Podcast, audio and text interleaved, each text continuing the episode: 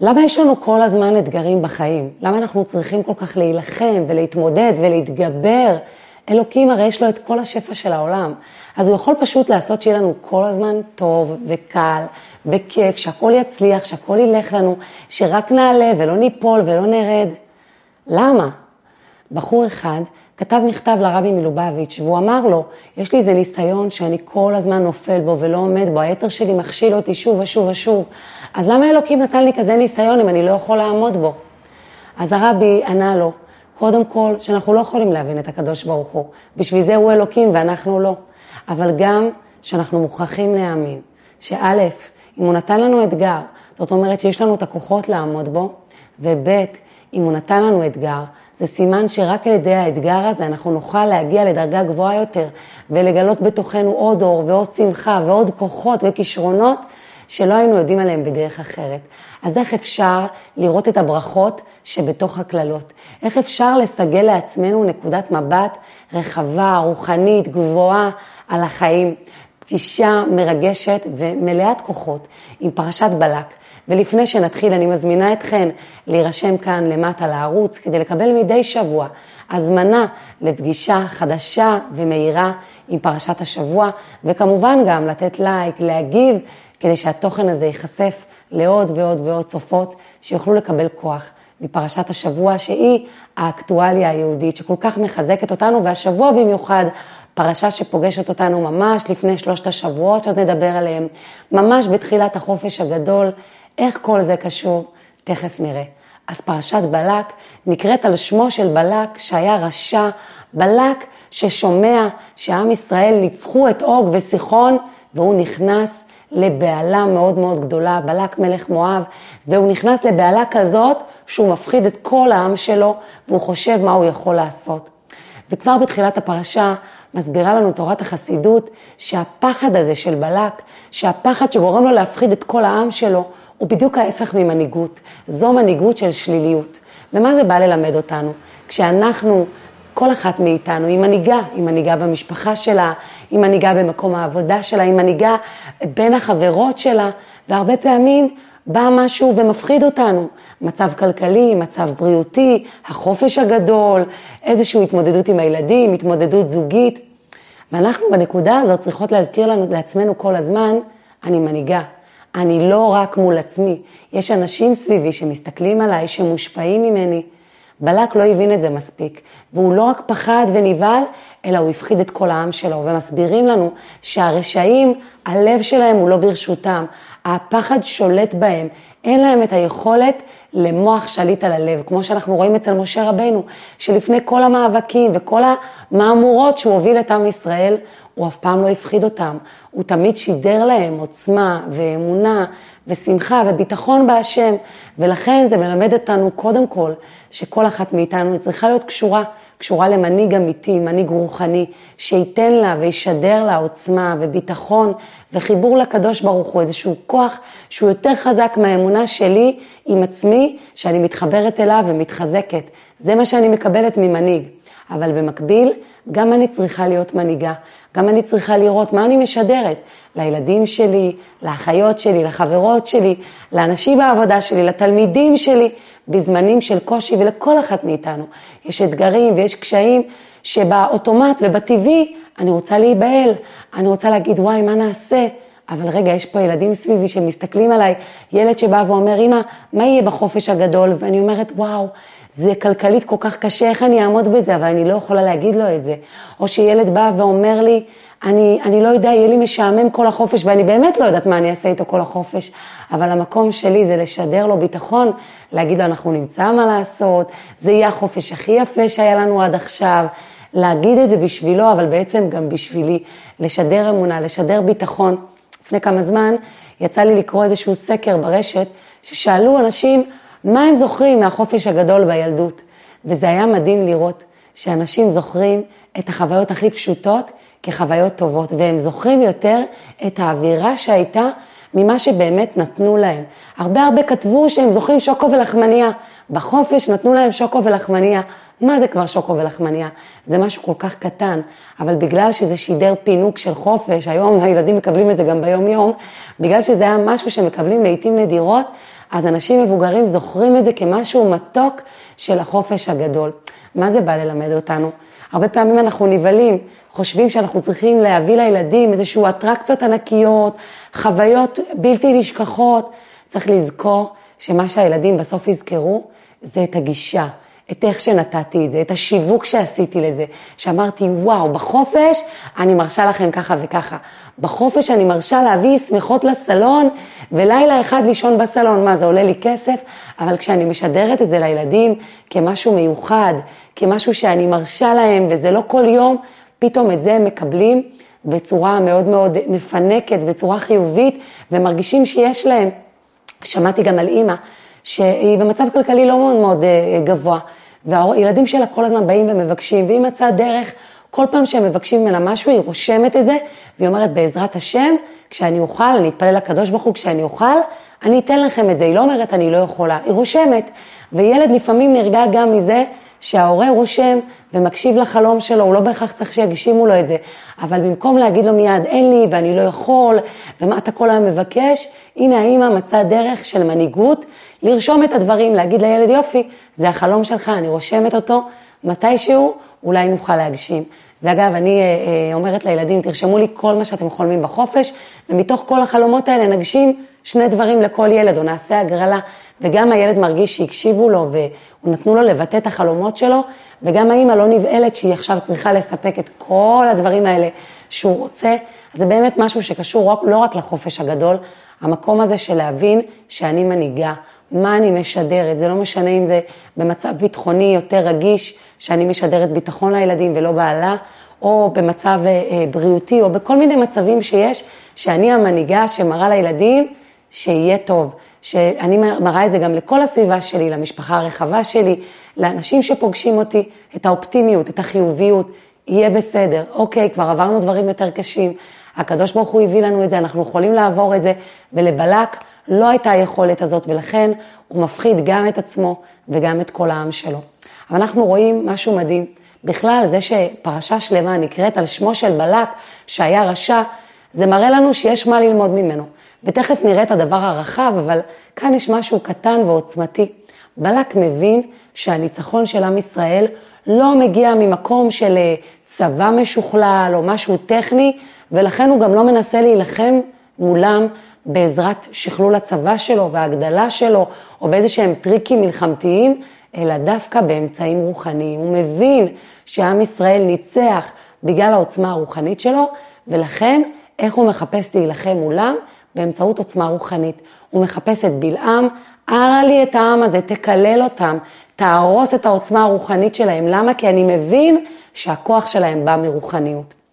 זה מלמד אותנו משהו מדהים. הרבה פעמים קורים לנו כל מיני מקרים, ואנחנו מיד פונים לכיוון הטכני. מה אני צריכה לעשות כדי לשפר את זה? איך אני יכולה לפעול כדי להרוויח יותר?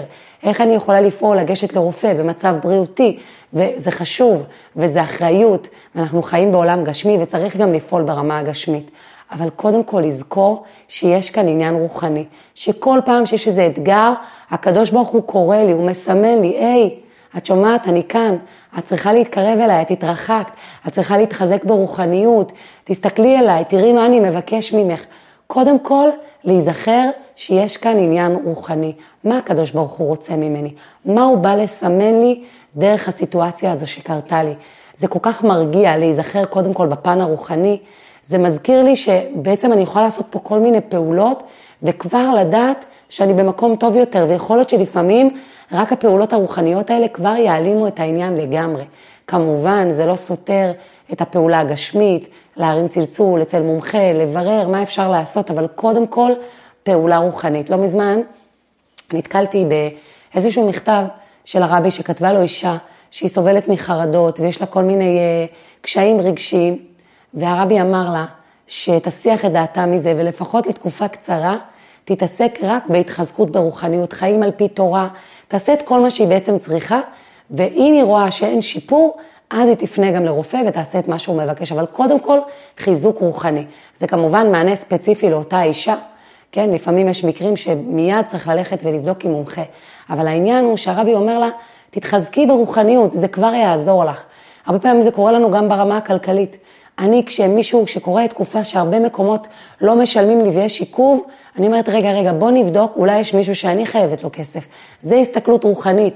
או בוא נבדוק אם באמת נתתי את כל הצדקה שלי. זו הסתכלות רוחנית. או אה, אם יש איזה בעיה עם איזה ילד, בוא נראה מה אנחנו יכולים להתחזק ברוחניות בבית, כי הילד הזה מושפע מהבית הזה. קודם כל, מבט רוחני, וזה מה שבלק מלמד אותנו, ובאמת, הוא קורא לבלעם, שהיה קוסם, שהיה לו עוצמה מאוד מאוד חזקה, שיקלל את עם ישראל. אבל כאן אנחנו רואים משהו מוזר, בלתי נתפס. בלעם אומר, אני צריך קודם כל לבקש רשות מהקדוש ברוך הוא. רשות מהקדוש ברוך הוא לקלל את עם ישראל, מה זאת אומרת? זה מלמד אותנו כאן דבר מדהים. הרבה פעמים נדמה לנו שמישהו יכול לעשות לנו עין הרע, שמישהו יכול להזיק לנו.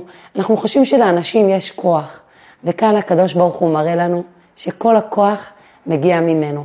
וגם כשתוקף אותנו איזה אתגר, גם אם בן אדם מגיב אלינו לא יפה, גם אם אה, אה, אה, פתאום יש לנו איזה הפסד כספי, פתאום איזה בעיה בריאותית, לזכור שלרע אין כוח בפני עצמו. כל הכוח שלו מגיע ממי? מהקדוש ברוך הוא. גם אותו בחור שסיפרנו עליו בהתחלה, שכתב לרבי שיש לו את היצר הזה שכל הזמן מפיל אותו, צריך לזכור שאת הכוח של אותו יצר לפעול על אותו בחור, מי נותן לו? הקדוש ברוך הוא. הקדוש ברוך הוא שהכביד את לב פרעה, הוא מכביד לפעמים את היצר הרע שלנו. למה? כי הוא רוצה לחזק אותנו. גם אני בחדר הכושר, אם אני לוקחת משקולת יותר כבדה, אז יש לי התנגדות יותר, זה יותר כבד לי, אז אני מפתחת יותר שריר. לפעמים הקדוש ברוך הוא רוצה שנפתח שרירים, שנגלה שיש בתוכנו יותר כוחות ויותר עוצמה, ולכן הוא נותן לרע כוח להילחם נגדנו. וכשאני זוכרת שהכוח של הרע מגיע ממנו, הרבה יותר קל לי להתמודד. זה לא איזה רע כאן, זה לא רע שבא והשתלט עליי ועכשיו אני אכנס לבהלה וחרדות, לא, לא, לא. הרע הזה קיבל את הכוח מהקדוש ברוך הוא, ואותו הקדוש ברוך הוא ברא אותי, הוא אוהב אותי, הוא רוצה שיהיה לי טוב, הוא רוצה שאני אגלה בתוכי עוד כוחות, הוא רוצה שאני אצמח, ולכן אני מתייחסת לכל האתגר בצורה אחרת לגמרי. אם זה מאת השם, והשם הביא אותי לזה, השם נמצא איתי בתוך האתגר, כי הוא רוצה שאני אנצח, והוא ידאג שאני אנצח את זה, אז הרבה יותר קל לי להתמודד. אני לא אבודה מול האתגר, אני לא נכנסת לחרדות, אני אומרת, רגע, רגע, נכון, זה קשה, זה כואב, זה מבהיל, אבל הקדוש ברוך הוא שם את זה, הוא נמצא איתי, הוא נתן לרע הזה כוח מולי, ולכן אני גם יכולה לצאת מזה בעזרת השם. ובאמת, בלעם מנסה לקלל את עם ישראל, וללא הצלחה. אנחנו רואים שהוא ממש משקיע. הוא משכים בבוקר, חובש את חמורו כדי לקום, מה שנקרא, מכל הלב, להשקיע ולקלל את עם ישראל, ובכל זאת הוא לא מצליח.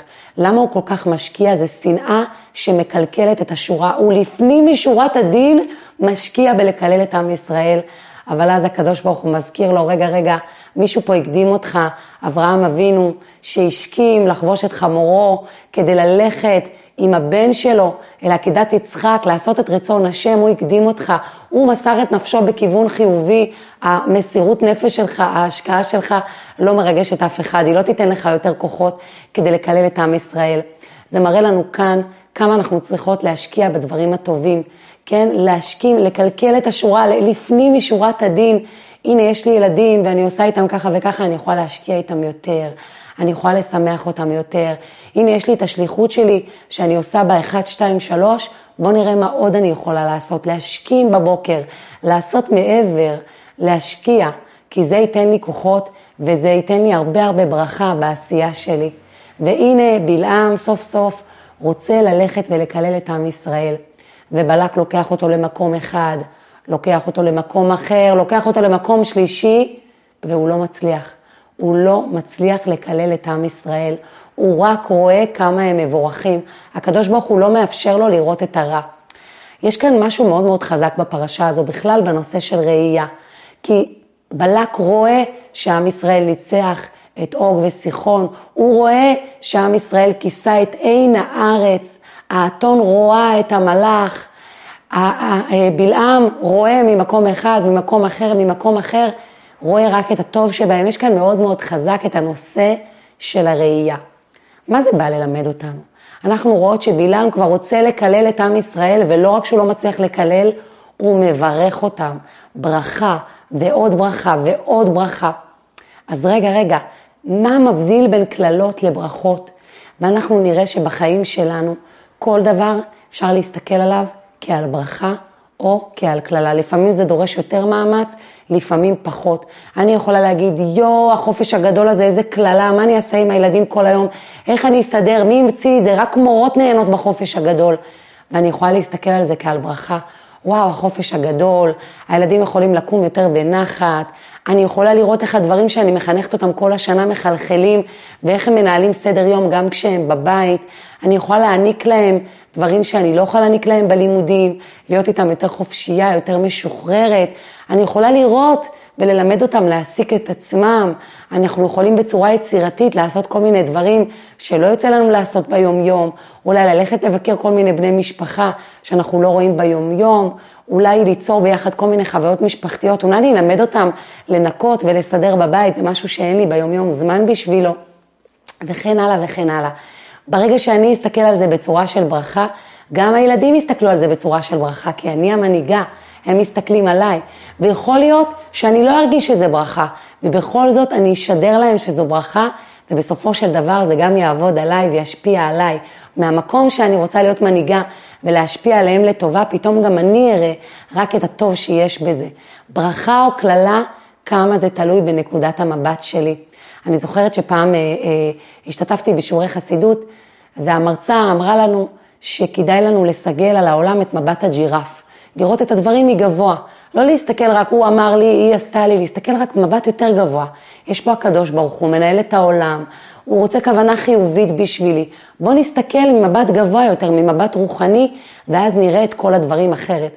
במשך תקופה מאוד מאוד ארוכה, היה בקניון שלנו איזה ג'ירפה ענקית, ענקית כזו, כמו קישוט בקניון, וכל פעם הייתי מסתכלת על זה ואומרת לעצמי, ציפי, תסגלי את מבט הג'ירף. ומבט הג'ירף זה מבט שמסתכל בצורה רחבה יותר, פרספקטיבה רחבה.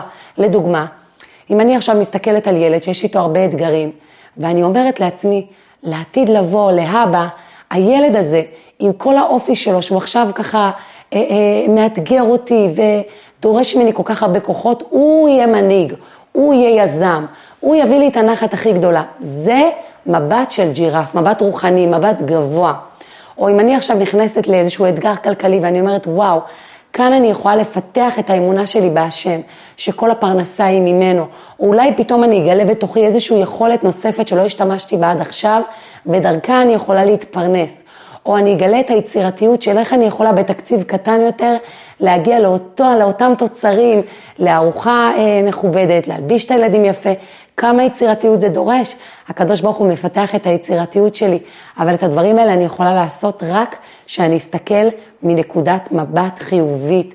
כמו בלעם שהלך להסתכל מפה ומשם כי הוא רצה לקלל, אז אני אסתכל מכמה זוויות, כי אני רוצה לברך. והרבה פעמים, משום מה זה מזכיר לי את הנקודה הזאת, שהרבה פעמים מישהי באה ומספרת לי על משהו שקרה לה, והיא סוג של אומרת לי, ערה לי, תראי לי, תסכימי איתי שאני מקוללת, תסכימי איתי שכל היום לא הולך לי, תסכימי איתי שהבן אדם הזה לא יתייחס אליי יפה. וכאן יש לי את השליחות להיות האדם הזה שרואה את הטוב, כמובן ממקום רגיש. קודם כל להגיד לה, וואי, אני מבינה איך את מרגישה, זה כל כך לא פשוט, אבל אולי, אולי תנסי להסתכל על זה, אם זה בסדר מצידך, שאולי הבן אדם הזה בעצם הוא שליח של הקדוש ברוך הוא וכולי וכולי. אולי הוא בכלל לא ידע שזה מה שאת מרגישה. אה, אולי הוא בעצם חשב רק על עצמו, לא באמת רצה לפגוע בך, הוא פשוט רצה לקדם את עצמו ועל הדרך הוא פגע בך. זאת אומרת, אני יכולה להיות אותו האדם שנותן לה את הפרספקטיבה הרחבה, מגביה אותה, גורם לה להסתכל על הדברים בצורה יותר חיובית, יותר רחבה, ובעצם הופך לה את הקללה לברכה. ובאמת, אחת הברכות הכי ידועות שאנחנו מזכירות כל יום בתפילה, אומר בלעם, מה טוב הוא עליך יעקב, משכנותיך ישראל, ומסבירים לנו שמה שהוא אמר זה שהוא ראה את האוהלים שלהם, שמתוך צניעות הפתח אחד הוא לא מול הפתח של האוהל האחר. ומחדדת לנו תורת החסידות שזה לא סתם, אוהליך זה מקום שנמצאים בו באופן זמני, כמו בחופש הגדול, שאנחנו נוסעים לאיזה חופשה, שזה לא הקבוע שלנו, זה לא השגרה שלנו. ולפעמים דווקא שם אני אומרת, יאללה, בסדר, אז אני לא אקפיד שם על הנטילת ידיים ליד המיטה, אני לא אקפיד שם שהילדים באמת יתפללו, טוב, אנחנו ממהרים לאטרקציה וכולי וכולי, ודווקא שם עם ישראל מקפיד על הצניעות שלו. אז נשאלת השאלה, מה, זה הדוגמה, זה מה שהוא ראה? אפשר לראות על עם ישראל דברים הרבה יותר גדולים. זה מה שהוא ראה, זה השבח הגדול שהאוהלים שלהם לא בנויים אחד מול השני? אז התשובה היא שאת הגדולה של אנשים, ואת הגדולה שלנו, ואת הגדולה של הבעל שלנו, ואת הגדולה תמיד רואים דווקא בקטנות של הקטנות.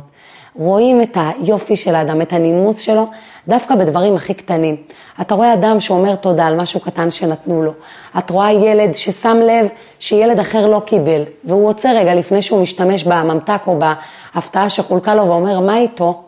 זה, שם רואים את החינוך, לא בדברים הענקיים, דווקא בדברים הקטנים. הרבה פעמים, גם בזוגיות, אנחנו רוצות דברים גדולים, שבעלי יפתיע אותי, שאני אקום בבוקר והוא יביא לי כרטיס טיסה לאיזה איים רחוקים. אבל לפעמים דווקא הדברים הקטנים, הנה הוא חזר מהסופר והוא קנה לי את המשהו שאני אוהבת. הנה הוא יצא בבוקר לתפילה ובדרך הוא לקח את הזבל. מה, ברור, זה מובן מאליו? לא. זה הדברים הקטנים, מהם רואים את האהבה, מהם רואים את האכפתיות, מהם רואים את כל הדברים הטובים, דווקא מהדברים הקטנים, וזה מה שבלעם מראה לנו כאן, איפה הוא רואה את הגדולה של עם ישראל? דווקא מהקטנות שבקטנות. ומזה שפרשת השבוע בלק נקראת על שמו של בלק, אנחנו רואות את יתרון האור הבא מן החושך. למה בלק זכה שפרשה תיקרא על שמו? כי מתוך הרצון שלו לקלל את עם ישראל, עם ישראל זכה בברכות גדולות, לא רק לאותו זמן, אלא גם ברכות לעתיד לבוא, עד כדי כך שחלק גדול מהדיבורים של הרמב"ם, אודות הגאולה, הציטוטים שהוא מביא, מגיעים מאיפה? מהקללות של בלעם בפרשת בלק שהפכו לברכות, ברכות לעתיד לבוא, ברכות על הגאולה, על עם ישראל שיהפוך להיות העם הנבחר, העם שזוכה להיגאל, ושכל הנבואות שאותם שמענו והקדוש ברוך הוא הבטיח לנו, בעזרת השם יתקיימו. זה יתרון האור הבא מן החושך. תכף מגיעים שלושת השבועות, שלושה שבועות של חורבן, שלושה שבועות שאנחנו בוכים בהם על בתי המקדש שנחרבו ונשרפו, וגם כאן אנחנו צריכות לזכור שזה חושך שבסופו של דבר מביא לאור, בסופו של דבר מגיע ט"ו באב, שאומרים שלא היו ימים טובים לישראל כחמישה עשר באב, למה? כי יתרון האור הבא מן החושך. אני צריכה להזכיר לעצמי ברגעים הכי חשוכים, בסופו של דבר יגיע מזה אור גדול. ואני רוצה לספר לכם משהו שקרה לי בדיוק היום. ישבתי ככה והייתי בקשר עם מפעל שמייצר לי מוצרים חדשים שאני מייצרת, ועל שניים מהמוצרים האלה מופיעה תובנה. והתובנה הזו זו תובנה שכתבתי השנה בחורף, בתקופה שעברתי איזשהו אתגר מאוד מאוד גדול, שבאמת שאלתי את הקדוש ברוך הוא, למה? למה אתה מעביר אותי כזה אתגר? למה אי אפשר שיהיה קל? ומתוך הקושי ומתוך הניסיון שלי לסגל מבט רוחני ולראות את הדברים בעיניים של אמונה, כתבתי תובנה מאוד מאוד עוצמתית. והיום, כשדיברתי עם המפעל, חשבתי על זה. כל כך הרבה אנשים ונשים יקבלו כוח מהמוצר הזה, מהתובנה הזו שתהיה להם מול העיניים, וכבר מקבלים כוח, כי התובנה הזו התפרסמה מאוד. בזכות מה? בזכות אתגר שאני עברתי. אם לא הקושי הזה שאני עברתי, לא הייתה התובנה הזו, ובטח עוד המון דברים טובים שיצאו מהאתגר הזה, ואת חלקם עוד לא יצא לי לראות. מה זה בא ללמד אותנו? זה לא פשוט. זה דורש אימון, אמונה מלשון אימון. אבל להגיד לעצמי, הקללות האלה, יש בהן ברכות. וכבר עכשיו אני יכולה להסתכל במבט גבוה יותר, במבט רחב יותר, ללכת לכל מיני מקומות כמו בלעם, להסתכל על זה מהזווית הזו, מהזווית הזו, מהזווית האחרת, אולי גם לדבר עם מישהי מקסימה, שיש לה כוח גם לברך ולראות את הברכה בדברים ולהגיד לה, תעזרי לי לראות איפה הברכה בסיפור הזה, ולחזק את האמונה שלי. ובעזרת השם, בזכות היכולת לראות את הטוב גם ברגעים של הקושי, אני אזכה בקרוב ממש לראות את הטוב הגלוי שהגיע לי מתוך האתגר הזה. כי יש לנו כוח עצום בעזרת הראייה החיובית שלנו, להיות מנהיגות, להשפיע על כל הסביבה שלנו, לראות את הטוב. ובעזרת השם אפשר לקחת את זה בתור החלטה טובה לחופש הגדול, לא משנה אם את רווקה, לא משנה אם את נשואה עדיין בלי ילדים, לא משנה אם את נשואה עם ילדים, להגיד, אני הולכת לראות את הטוב ואת הברכה. אני הולכת להיות יצירתית ולראות איך אפשר להיות בשמחה, כי זה העיקר. שמעתי על איזה זוג שלא הייתה להם אפשרות לצאת לחופשה זוגית, אז מה הם עשו? הם, הם סידרו את הבית ממש כמו מלון, בישמו בכל מקום, חיפשו ושמו את המצעים הכי יפים, והזמינו ארוחה מבחוץ, שזה משהו שהם יכלו לעמוד בו, והרגישו בבית מלון. אפשר בצורה יצירתית להרגיש חופש, אפשר בצורה יצירתית לעשות לעצמנו כל מיני חוויות משמחות שהן לא דורשות מאמץ גדול כלכלי, או הן לא דורשות לצאת באמת ולעזוב את העבודה, כי לא כל אחד יכול לצאת לחופש מהעבודה שלו, אבל הן נותנות תחושה של חופשה, תחושה חיובית, תחושה של שמחה, וזה באמת מה שאנחנו רוצות. מה אנחנו רוצות? להיות בשמחה, להיות בטוב, להיות באווירה חיובית, שנזכה בעזרת השם, להיות מנהיגות של טוב, לראות את הברכות ולעזור גם לאנשים אחרים, לראות את הברכה שבתוך האתגר שלהם, ובקרוב ממש נזכה שיתגשמו הברכות של בלעם לגבי הגאולה הקרובה, נזכה לגאולה, תכף ומיד ממש.